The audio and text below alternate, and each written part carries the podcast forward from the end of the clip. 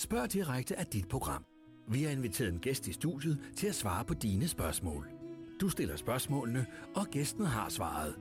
Ingen værter, kun spørgsmål. Stil dine spørgsmål på Facebook, Twitter eller sms. Velkommen til. Hej, jeg hedder Pernille Vermund, og jeg er formand for Nye Borgerlige. Jeg har fået æren af at sidde i den her røde stol i dag, og øh, det betyder, at du kan stille spørgsmål til mig direkte her på øh, DK4. Det kan du gøre på sms, du kan gøre det på Twitter, og du kan gøre det via Facebook øh, på DK4's Facebook-side Spørg direkte. Øh, jeg sidder her i tre kvarter, så der skulle være rigelig tid til at svare på alle spørgsmål. Øh, og jeg tænker, at det første spørgsmål kommer her et eller andet sted. Lone spørger mig, hvorfor jeg gik ind i politik. Øh, jeg er jo selvstændig arkitekt, har mit eget firma og har haft det i 12 år. Og øh, egentlig vil jeg allerhelst sidde derhjemme og tegne huse. Øh, men jeg ser nogle massive udfordringer i vores samfund, som ikke rigtig bliver løst af de politikere, som sidder der i forvejen. Øh, vi stiftede Nye Borgerlige i øh, efteråret 2015, og det gjorde vi i kølvandet på, at øh, migranterne fra de muslimske lande var vandret ind i Europa, op over øh, de europæiske grænser, og også ind over de danske grænser, op ad vores motorveje. Og øh, det, vi kunne se, det var, at politikerne sad på hænderne. Selv DF, som kort forinden havde fået 37 mandater og var blevet det største parti i Blå Blok, de undlod at gøre noget. Og det betød, at der kom rigtig mange mennesker hertil, som, øh, ja, som alt andet lige vil forandre Danmark for evigt. Vi har stiftet Nye Borgerlige for at øh, sætte politikerne stolen for døren, fordi vi kan se, at de lappeløsninger, der er blevet gennemført de sidste mange år, faktisk årtier, ikke har løst problemerne. Problemerne bliver måske værre i et langsommere tempo, men øh, problemerne bliver ikke løst. Og jeg synes, det er tid til at, at vende udviklingen og stoppe den her afvikling af vores frie og trygge samfund. Det er derfor, vi har stiftet Nye Borgerlige, og det er faktisk også årsagen til, at jeg i dag kæmper øh, en stor del af den tid, hvor jeg skulle øh, sidde og tegne huse hjemme. Så skulle der være et spørgsmål nummer to. Det kommer fra Emilie. Har det haft nogen personlig konsekvens, at du er blevet så kendt på så kort tid? Øh, ja, det har det. Øh, det har det har selvfølgelig haft en, en personlig konsekvens i forhold til, at, øh, at når man kommer ud, så er der mange, der ved, hvem jeg er. Øh, og det er altid sådan lidt specielt at være et sted, hvor man ikke rigtig kan fornemme, om øh, folk kender en, fordi de tror, at man har gået i skole sammen, eller om de kender en, fordi de har set en på tv. Og øh, jeg er ikke vant til at være et offentligt kendt ansigt, øh, så jeg bliver lige for lejen hver gang, der er øh, er nogen, som synes, at øh, de har kendt mig et eller andet sted fra, og jeg så skal fortælle, at det er nok, fordi jeg er politisk aktiv, at de kender mig. Øh, så den konsekvensen i forhold til mit familieliv og mit privatliv øh, har ikke været sådan voldsom. Altså jeg har, øh, jeg har en masse gode venner, som jeg også havde før jeg engagerede mig i politik. Øh, det har haft lidt konsekvenser for mit sådan helt personlige privatliv, øh, men til gengæld så øh, ja, vil jeg heller ikke have mødt den mand, som for nyligt ikke længere var min mand længere, øh, eller min kæreste længere, hvis ikke jeg, øh, hvis ikke jeg havde været i politik. Så, øh, så der er både positive og negative sider. I forhold til mit firma har jeg jo måttet drosle ned.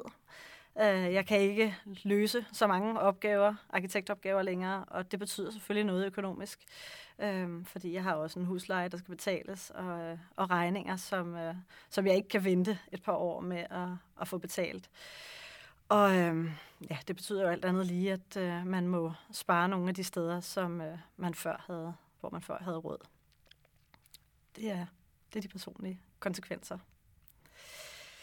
Øh, så er der en sms, hvor der står, hvordan kan du ændre ting i dansk politik, når det hele er styret af store firmaer?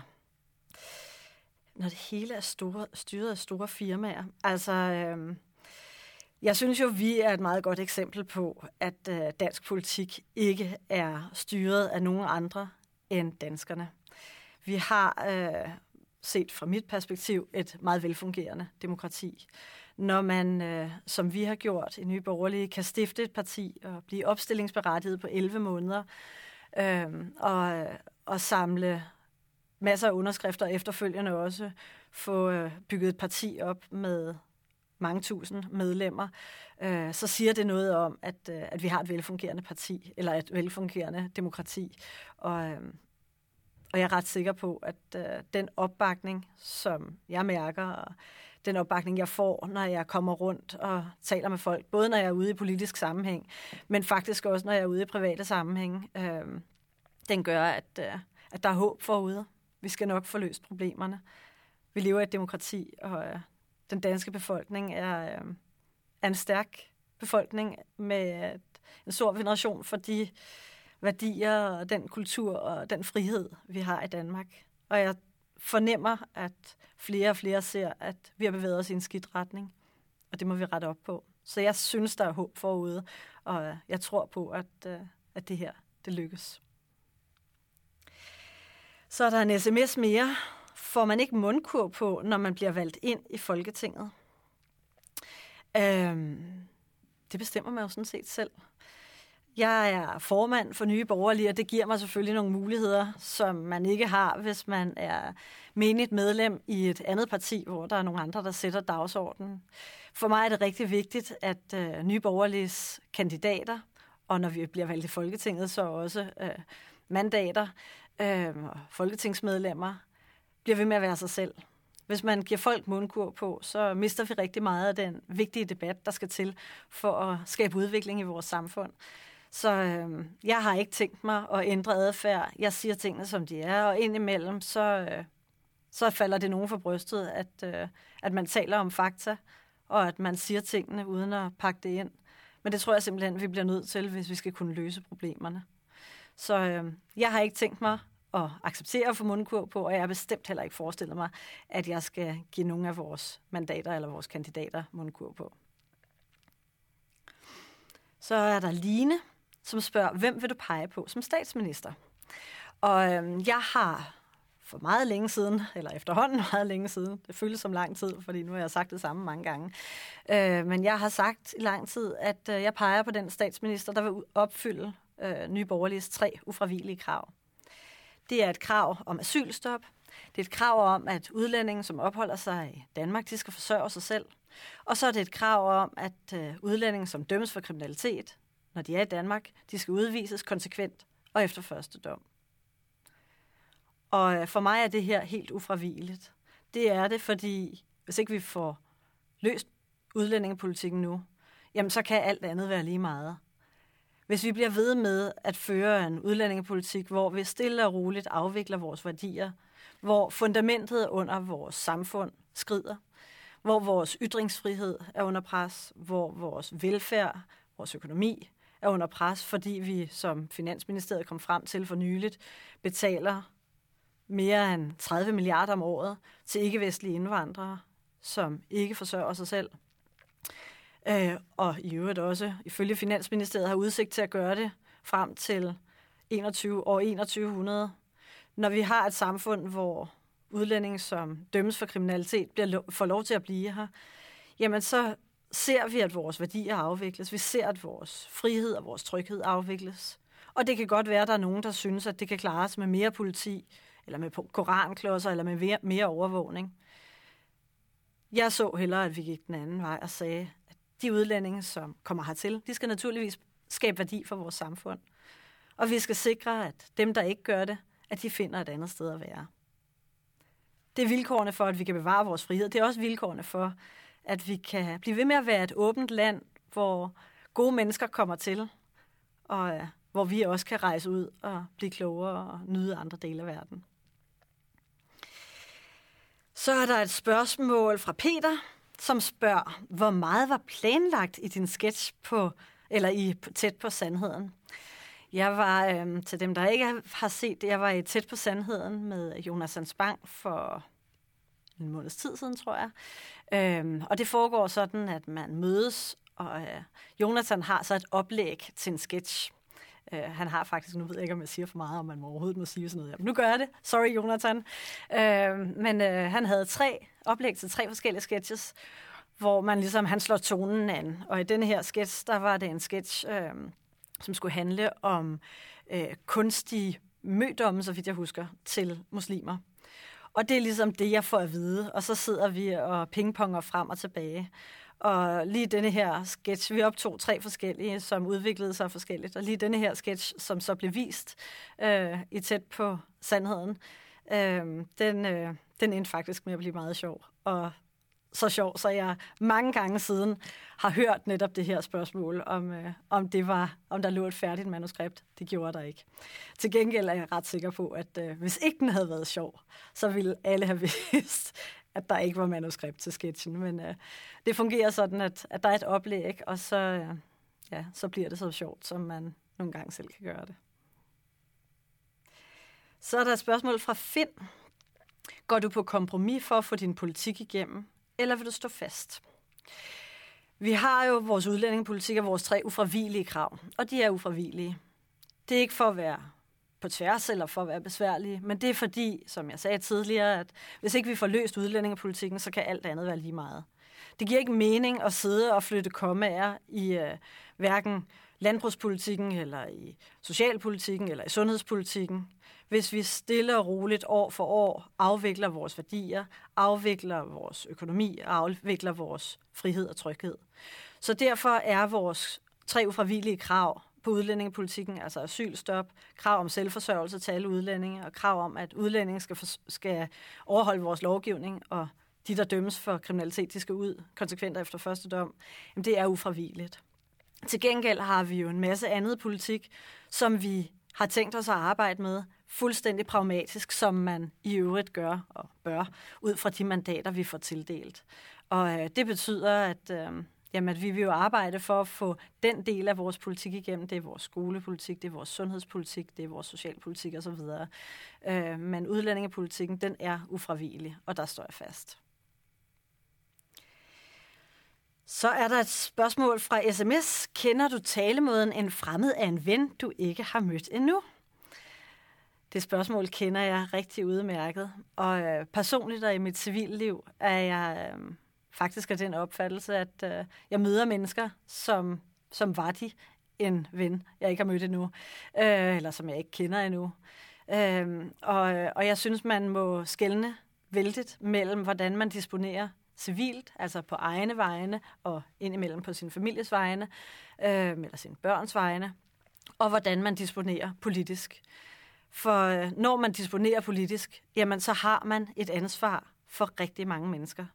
Der sidder 179 mennesker i Folketinget og har påtaget sig ansvaret for den samlede danske befolknings sikkerhed og frihed. Og der nytter det ikke noget, at man synes, at øh, jeg føler mig lidt frem, og nu ser vi tiden an og så videre. Hvis man kan se, at der er noget, der ikke virker, hvis man kan se, at der er noget, der koster mere, end man er klar til at betale, jamen så må man bevæge sig i en anden retning. Og på udlændingepolitikken er det desværre sådan, at vi, til trods for, at vi jo har været et land, som har taget imod udlændinge fra hele verden, også flygtninge. Folk er kommet hertil fra Vietnam, fra Ungarn, fra meget forskellige kulturer, og er blevet velintegreret og har taget de danske værdier til sig. Rigtig mange af dem har øh, opdraget deres børn til at blive gode danske medborgere. Og det har været en succes.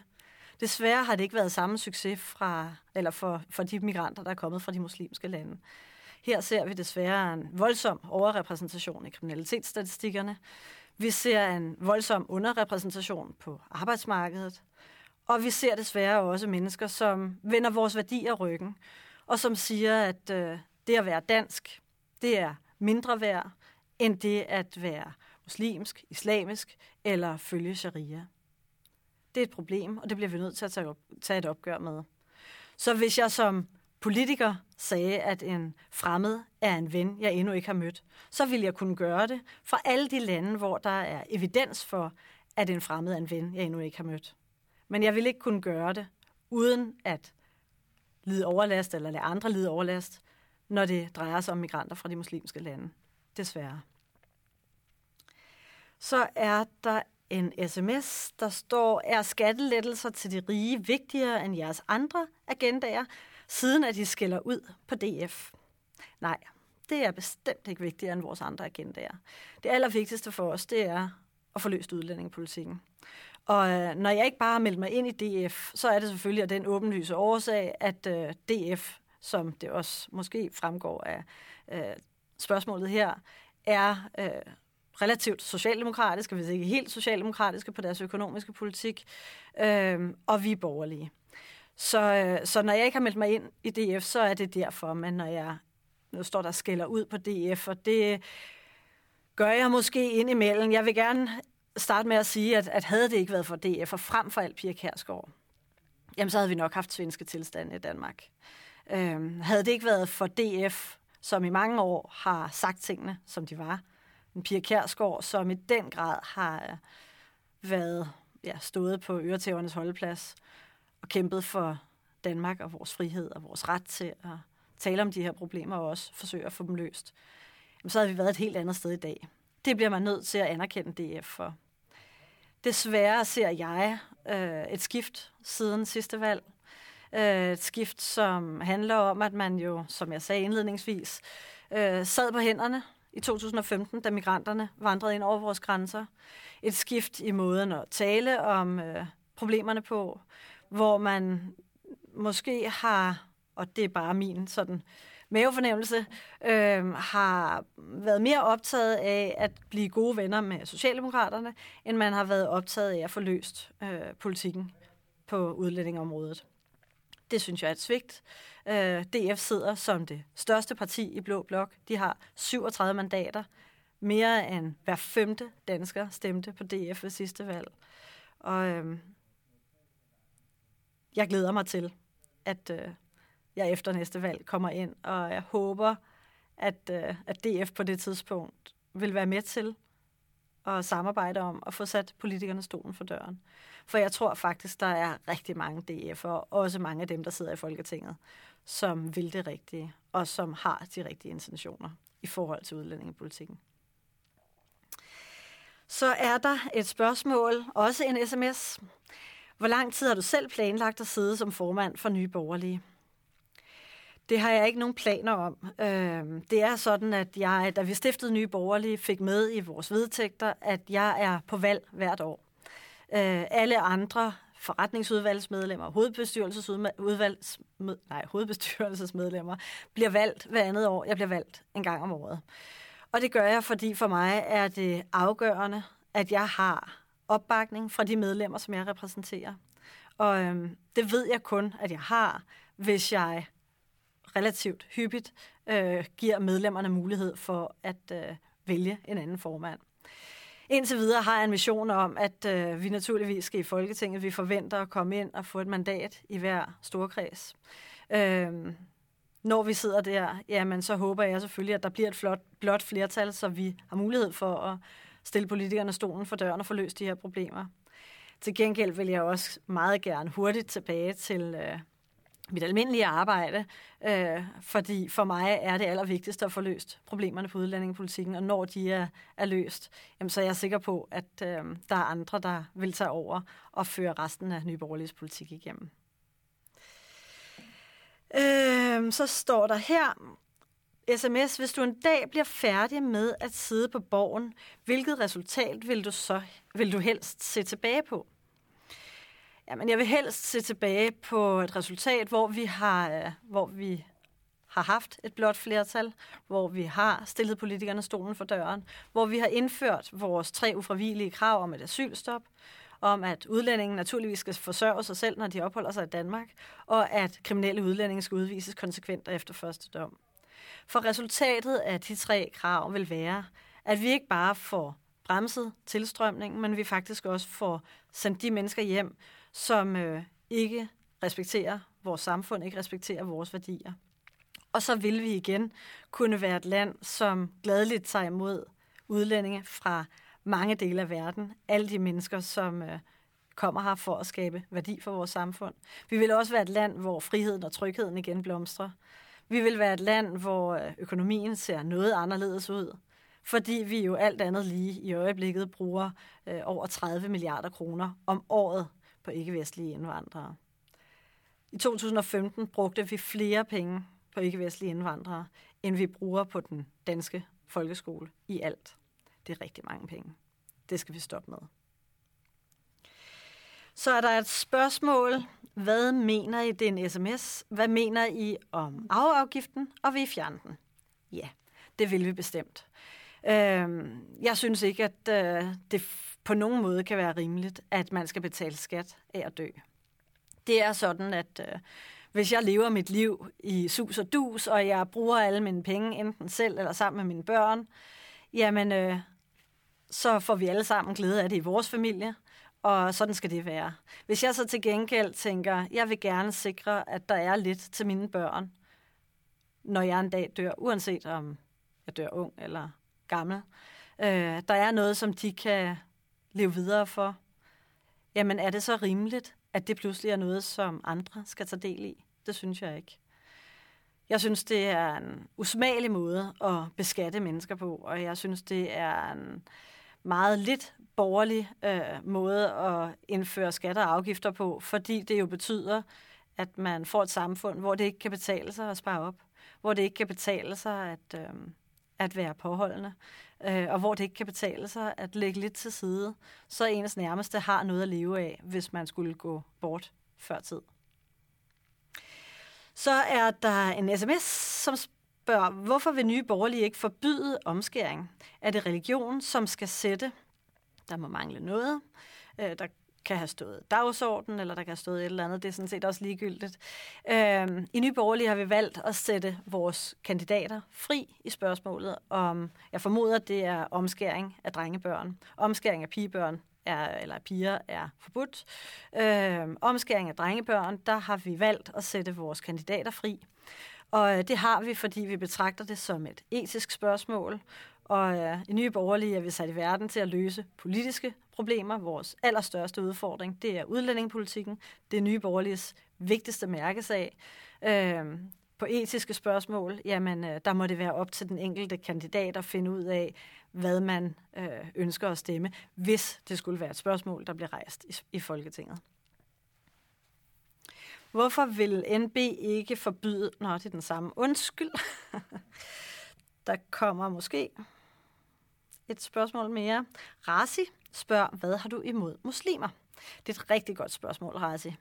Øhm, fordi jeg har for ja, mindre end 24 timer siden sendt et blogindlæg ud, hvor jeg præciserer det her med forskellen på islam og muslimer.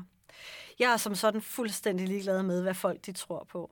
Så længe de holder deres tro privat, og ikke putter deres tro og deres normer ind i vores samfund. Og hvorfor er det vigtigt? Jamen det er det jo, fordi vi lever i et demokrati, lever i et land, som er baseret på frihed, på ligeværd mellem kønnene, på princippet om retsstat osv. Og øh, hvis man følger Koranen, jamen så er der ikke noget, der hedder demokrati. Der er ikke ligestilling mellem kønnene. Der er ikke den frihed, vi oplever i det danske samfund, og de frihedsrettigheder, som grundloven øh, påbyder, og som vores samfund er bygget på. Øh, og derfor betyder det, at hvis islam skulle få indflydelse på vores samfund, jamen så skulle vi give afkald på en række af de frihedsrettigheder, øh, som danskere før os har kæmpet sig til, og som er øh, sådan helt afgørende øh, værdier i stort set alle vestlige samfund og afgørende for værdier for mig i den grad.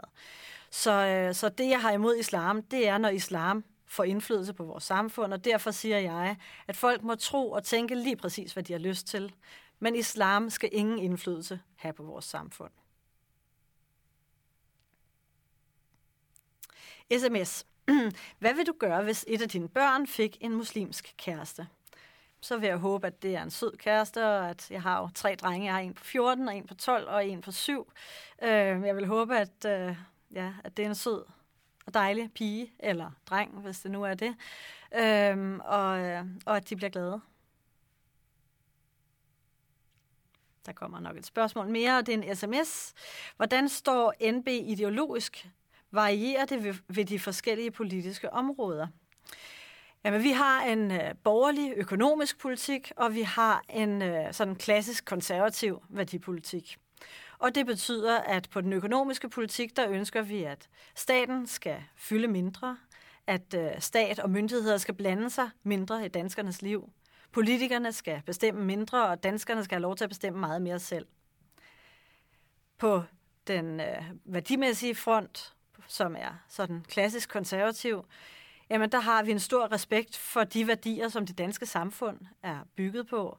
Og øh, det betyder, at øh, når vi ser, at vores værdier er under pres, vores ytringsfrihed eller vores frihed i det hele taget, øh, vores kulturelle sammenhængskraft, eller for den sags skyld vores, hvad skal man sige, sociale velfærd, altså vores lyst til at dele med hinanden, selvom vi ikke kender hinanden, jamen øh, så siger vi fra, og så finder vi ud af, hvad er det, der truer vores frihed, og hvordan kan vi løse det? Hvad har man gjort i andre lande? Hvad kan vi lære af? Øh, og hvordan gør vi det her bedst med ja, skade for færrest mulige?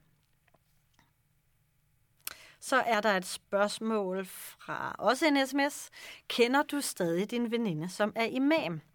Øhm, jeg har været barndomsveninde, for dem, der ikke ved det, med øh, en imam, kvindelig imam, som hedder Shirin Kankang.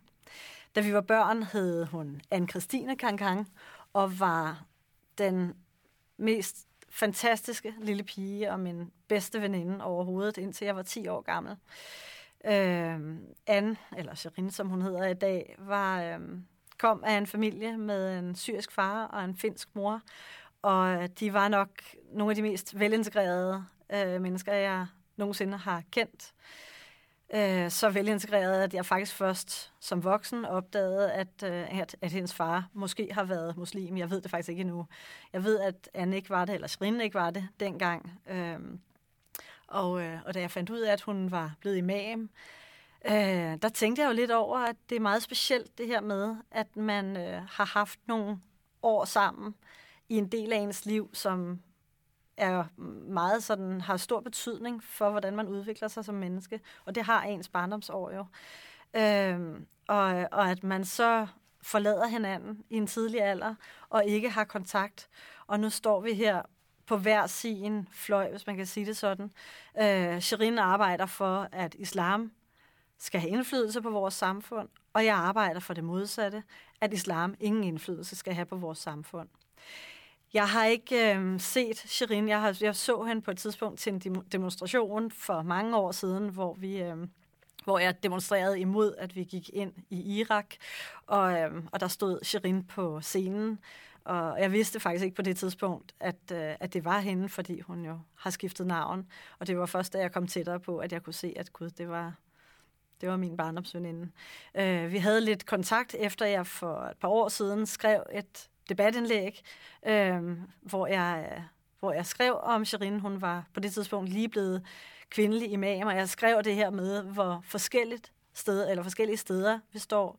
Og jeg skrev, at, øh, at jeg ikke kan se islam med Shirins øjne, uanset hvor meget jeg holder af hende fra den tid og, øh, og værner om de dejlige barndomsminder, vi har sammen, så har jeg overhovedet ikke mulighed for at se, hvad hun ser i islam. Og øh, det skrev jeg om, og efterfølgende sms'ede vi lidt sammen, og, øh, og den kontakt er så løbet ud. Så jeg kender han ikke privat, og jeg har heller ikke kontakt med Shirin, øh, men, øh, men det var vores historie. Så er der en sms mere. Vil NB samarbejde med Le Pen og Sverigedemokraterne? Øhm, nu er vi jo et dansk parti, og det vil jo være sådan, at øh, når vi kommer i Folketinget, jamen så er det danske partier, vi arbejder sammen med, og der vil være partier, som er lettere at samarbejde med om den økonomiske politik, og så vil der være partier, der er lettere at samarbejde med på udlændingepolitikken. I forhold til Sverigedemokraterne og Le Pen, så er der punkter på udlændingepolitikken, som øh, vi godt kan blive enige om, men der er definitivt også punkter, som vi ikke kan blive enige om. Øh, det, som sker i mange europæiske lande, når, øh, når partier dukker op, som er kritiske over for migrationen fra de muslimske lande, det er, at der med denne her udlændingepolitik også følger en meget venstreorienteret økonomisk politik, og nærmest en protektionistisk politik, hvor man siger, at øh, nu skal vi lukke os helt om os selv, og vi vil ikke have udlændinge til landet overhovedet, hverken dem, der bidrager positivt, eller dem, der øh, ikke burde være der. Øh, og der er øh, både Le Pen og Sverigedemokraterne desværre til venstre for midten øh, på den økonomiske politik. I virkeligheden lidt som, som DF er det i Danmark. Så jeg vil tro, at, øh, at det for DF vil være lettere at samarbejde med Le Pen og Sverigedemokraterne, sådan samlet set, end, øh, end det vil være på os. Men jeg er fuldstændig enig i, øh, i den, hvad skal man sige, øh, i de problemer, som, øh, som både Le Pen og Sverigedemokraterne fremhæver. Øh, jeg er, altså, vi kæmper samme kamp for at bevare øh, friheden i de vestlige lande. Vi kæmper samme kamp for at sikre, at vi ikke ender med øh, parallelt samfund, hvor der ikke er, ja, hvor myndighederne ikke har kontrollen længere. At vi ikke ender med øh, en afgivelse af vores værdier, som man desværre allerede ser det i, øh, i Frankrig og i Sverige. Vi har, som de fleste sikkert ved, lidt af det og ser begyndelsen til det. Øh, men, øh, men hvis man vil vide, hvordan det vil ende, hvis ikke vi forventer udviklingen nu, jamen så kan man jo se på, på Sverige, og så kan man se på Frankrig. Og, øh, og derfor har både Le Pen og Sverigedemokraterne deres berettigelse i deres lande. Jeg så så gerne, at de havde en økonomisk politik, der var lidt anderledes, men hvert land sine partier, og øh, jeg koncentrerer mig om Danmark. Det er vigtigst for mig. Så står der sms, hvad er nye borgerliges politik omkring ulve? Jamen, ulve er også et område, som vi ikke har øh, nogen politik på. Øh, vi har besluttet os for, at vi må se tiden an og se, øh, hvordan det her udvikler sig. Øh, indtil videre, så øh, har vi ikke, ser vi ikke grund til at, øh, at gøre anderledes, end man gør i dag. Det kan være, at, øh, at vi bliver klogere, men indtil videre har vi ikke en politik omkring ulve. Så er der et spørgsmål, en sms. Hvilken negativ indflydelse mener du, muslimer har på Danmark? Øhm, der er igen et spørgsmål, hvor man bruger muslimer, altså personerne, frem for øh, ideologien.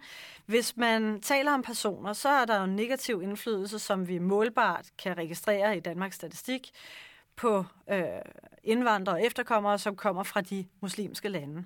Hvor mange af dem, der reelt er muslimer, det ved vi ikke, men, øh, men der er et klart sammenfald mellem øh, en meget, altså en stor overrepræsentation øh, i kriminalitetsstatistikkerne og en lav repræsentation på, øh, på arbejdsmarkedet øh, i forhold til migration eller migranter fra, fra de muslimske lande, og i særdeleshed efterkommere fra de muslimske lande.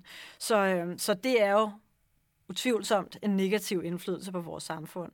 Økonomisk betalte vi i 2015, som jeg fortalte tidligere, øh, 36 milliarder øh, i nettoudgifter. Det betyder altså, at der er langt flere milliarder, som går til folk, der ikke forsørger sig selv, og så er der en øh, pulje af mennesker, som forsørger sig selv, og samlet set var udgiften, altså den negative indflydelse på vores samfund, 36 milliarder på et år som var i 2015 mere, end vi brugte på den danske folkeskole.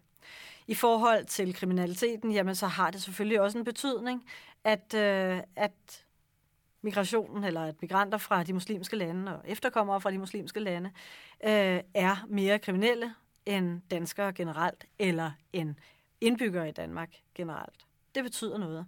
Frem for alt for de ofre, som det går ud over. I forhold til vores værdier, Altså den her øh, vende ryggen til vores ytringsfrihed, vores ligestilling mellem, mellem kønnen og hvad vi ellers har, jamen så oplever vi jo også udfordringer. Det så vi i forbindelse med Mohammed-krisen. Vi har set det siden. Når øh, de her Mohammed-tegninger skal vises, så er der jo stadig ikke aviser eller tv-stationer, som har øh, mod til eller vilje til at vise tegningerne. Og det er naturligvis ikke, fordi en tegning i sig selv er farlig, men det er fordi, de ved, at der er mennesker, som er kommet hertil, og som ikke respekterer, at her i landet kan man sige, hvad man vil, man kan tro, hvad man vil, og man kan tænke, hvad man vil, uden frygt for, at øh, der er nogen, der kommer og gør noget farligt ved en. Så er der et spørgsmål fra øh, en sms. Hvad er jeres politik omkring kontanthjælp og førtidspension? Øh, vores politik er, at den nuværende politik ikke fungerer. Vi har jobcentre, som koster mange milliarder hvert år at drive, og som ikke får folk i arbejde. De eneste, de efterhånden er til gavn for, det er dem, der er ansat der. Der er syge mennesker, som bliver slæbt rundt i det her system år efter år. Og der er raske mennesker, som kommer ind og egentlig er klar til at tage et arbejde, men som bliver gjort til ofre af systemet. Og derfor siger vi, at vi må nedlægge jobcentrene. De fungerer ikke. Og når vi nedlægger jobcentrene, jamen så tilbyder vi, eller vil vi tilbyde, at man kan få en voucher, som man kan bruge til at søge hjælp til at få arbejde. Og den her voucher, den kan så blive udbetalt til en øh, jobkonsulent, eller en coach, eller hvad det måtte være. Øh, netværksportal kan det jo også være, når man øh, har fået sin første månedsløn, og dermed er i arbejde. Og det betyder no cure, no pay og dermed også et stærkere incitament til for den, der hjælper den ledige med at komme i arbejde, at gøre arbejdet færdigt. For den ledige betyder det, at øh, man får friheden til ikke at være en klient i systemet, men at man faktisk selv kan bestemme, hvilke jobs man søger, og hvor man søger dem, og hvordan man søger dem. I forhold til de mange borgere, som er syge, for syge til at arbejde, og som i dag bliver slæbt rundt i systemet, som burde have en førtidspension, for det har de ret til, så skal der selvfølgelig falde en førtidspension. Og det skal ikke være sagsbehandlere, der sidder i kommunerne og vurderer det her. Det skal være læger, uvildige læger, som øh, alene baseret på en lægefaglig vurdering øh, tildeler førtidspension. Vi mener, der skal være mulighed for, at man kan få førtidspension i en Øh, midlertidig periode. Det kan være relevant for øh, misbrugere. Det kan være relevant for folk, som er syge, så syge, at de ikke kan arbejde i en kortere periode, men som har udsigt til bedring. Øhm, og for de mennesker kan det her være en tiltrængt pause, så man kan komme til hægterne, og så man har det økonomiske fundament på plads, og ikke behøver at bekymre sig om det, samtidig med, at man skal bekymre sig om at blive rask. For andre, som er kronisk syge eller terminalt syge, jamen der skal førtidspensionen naturligvis være livsvarig. Og vi øh, siger også, at vi vil hellere bruge de penge, man i dag bruger på at administrere jobcentrene, dem vil vi hellere bruge til de syge, som ikke kan arbejde selv. Og det er cirka, hvad det vil koste. Hvis de mennesker, i dag, der i dag bliver slæbt rundt i systemet, øh, får en førtidspension, som de har ret til, så har Danmarks Radio for lidt over et år siden beregnet, at det vil koste cirka 3 milliarder om året. Det er, hvad det i dag koster at drive administrationen, alene administrationen af jobcentrene. Så vi flytter puljen fra administrationen af jobcentrene over til de syge, og så hæver vi førtidspensionen. Så enlige førtidspensionister får en førtidspension på 25.000 om måneden, og samboende har en førtidspension på 20.000. Det synes vi er rimeligt, og vi synes, det er anstændigt og ordentligt at behandle de mennesker, som ikke kan selv, som vidderligt ikke har andre chancer på en ordentlig måde. Det har vi råd til. Så er der et spørgsmål, et, en sms. Går du ind for et stærkere EU? Nej, det gør jeg bestemt ikke. Jeg går ind for et øh, stærkere folkestyre. Vi lever i et demokrati i Danmark, og øh, politikerne har desværre givet meget magt til EU allerede. Man har på Christiansborg igennem årtier centraliseret vores samfund. Man har lagt kommuner sammen. Først lagde man, nedlagde man sovnene og oprettede kommuner.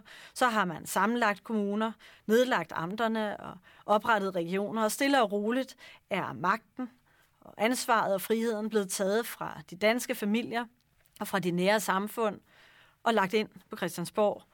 Og en alt for stor del af det er sendt til EU. Og det betyder, at der sidder nogle mennesker i Bruxelles og træffer beslutninger på vores vegne, til trods for, at det jo ikke er dem, der mærker konsekvenserne af de beslutninger, de træffer. Det synes jeg er et problem. Det er helt afgørende for mig, hvis vi skal værne om vores folkestyre, og hvis vi skal bevare respekten for vores politikere, for vores demokrati, at vi får magten tilbage til Danmark, og også får den fordelt ned i samfundet, sådan så danskerne selv mærker, at de har et ansvar for deres eget liv. Så vi kan mærke, at det betyder noget, når vi går på arbejde. Det betyder noget, når vi tager os af de svageste i vores samfund. Det betyder noget, når vi investerer i infrastruktur. Alle de ting, som vi indimellem tager for givet, og som der desværre er mange, som, øh, ja, som ikke er glade for at passe på, men som i stedet øh, er med til at ødelægge. Så, øh, Så magten skal tilbage til danskerne, først til Danmark og så videre ud øh, til de nære samfund og de danske familier. Den skal ikke til EU. Så er der en sms. Hvorfor kunne du ikke få dine mål igennem hos de konservative? Øh, jamen, det er jo sådan, at efter valget i 2015, der blev der valgt øh, seks konservative øh, kandidater i Folketinget. Øh, partiet fik, øh, fik kandidater ind i seks af de ti store kredse, og to ud af de her seks, tror jeg, jeg er meget enig med. Det er Rasmus Jarlov og Nasser Carter. Øh, de øvrige fire øh, har en lidt anden politisk linje, som på den økonomiske politik er mere venstreorienteret end, øh, end der, hvor jeg står. Det var ikke det springende punkt. Det springende punkt for mig var, at øh, på udlændingepolitikken, øh, jamen, der er der stadig en stor del af det konservative Folkeparti, som, øh, som synes, at det er helt i orden, at Lars Barfod øh, flettede fingre med Margrethe Vestager.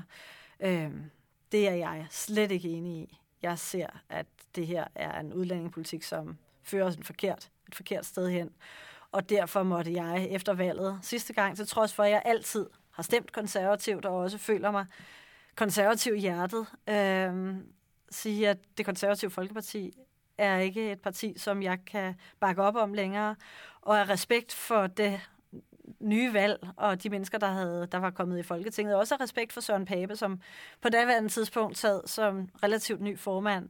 Så synes jeg, det var bedre, at jeg trak mig og, øhm, og gik min egne veje og lod dem få arbejdsro med det projekt, som, øh, som de havde fået danskernes opbakning til. Så er der en sms. Er der nogle specifikke indvandrergrupper, der klarer sig særlig godt i Danmark? Det er der. Der er masser af indvandrere, som klarer sig godt i Danmark. Øh, vi har indvandrere fra de vestlige lande, som klarer sig generelt rigtig godt, og faktisk øh, mange af dem bedre end, øh, end danskere. Det betyder, at det er folk, der kommer hertil og skaber en værdi for vores samfund. Vi har også indvandrere fra ikke-vestlige lande, øh, fra Fjernøsten, som klarer sig også for nogens vedkommende bedre end danskere. Kinesere er, er helt exceptionelt øh, gode for Danmark, fordi de øh, både er gode til at integrere sig på vores arbejdsmarked, de er meget lidt kriminelle, øh, og, øh, og på den måde er det ikke en øh, nationalitet, som ligger vores samfund til last. Så, øh, så Fjernøsten, altså de øh, østasiatiske lande, og, øh, og de vestlige lande skaber i høj grad værdi for vores samfund. Så er der Daniel. Hvad er din holdning til, at to mænd kan benytte en rugemor? Det må være min holdning til, at man øh, som homoseksuel kan bruge en kvinde som rumor. Øh, jeg har faktisk ikke, altså det er ikke noget, jeg har taget stilling til før, så nu bliver det sådan min umiddelbare holdning her. Og øhm, i sådan en situation har jeg det sådan, at øh, jeg ser det her fra børnenes perspektiv. Jeg kan godt forstå, at man som mand tænker, jeg vil også have familie. Jeg kan også godt forstå, at man som bøssepar tænker, øh, vores barn øh, skal vi have for os selv, og der skal ikke være en eller anden forstyrrende part, som øh, er en del af det her. Dilemmaet er bare, at vi jo alt andet lige er indrettet sådan, at øh, der er en grund til, at vi både har en mor og en far. Og øh, selvom man som voksne kan synes, at et barn kan klare sig uden, det kunne sådan set også være skilsmisseforældre, der vælger, at øh, barnet ikke skal kende den anden forælder, eller vælger at trække barnet væk fra den anden forælder, øh, så er min holdning, at barnet har ret til en mor, og barnet har ret til en far. Og, øh, og derfor mener jeg ikke, at man øh, efter min personlige overbevisning skal sætte børn i verden, som ikke har ret til en mor og en far. Øhm, det er ikke et politisk spørgsmål for nye borgerlige. Det er et af de her etiske spørgsmål, som jeg nok ville sige ville være et, øh, et spørgsmål, som vi satte kandidaterne fri i. Men, øh, men for mig ville hensynet til barnet og respekten for, at barnet skal kunne vokse op med en mor og en far så vidt muligt, øh, den ville veje tungest i sådan en sag. Så er der et spørgsmål. Går Nye Borgerlige ind for legalisering af cannabis? Ja, vi går ind for legalisering af cannabisolie til øh, medicinsk brug.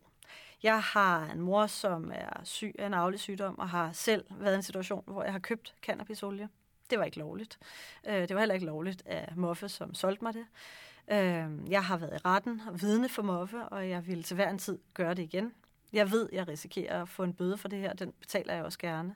Jeg ved også, at det, da jeg sagde, stillede mig frem og sagde det her, at det kunne koste mig øh, politisk.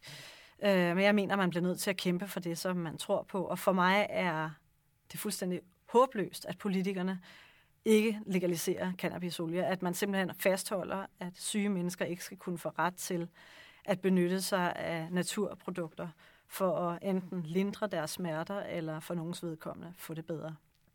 Så det er min holdning til cannabisolie. Tak selv.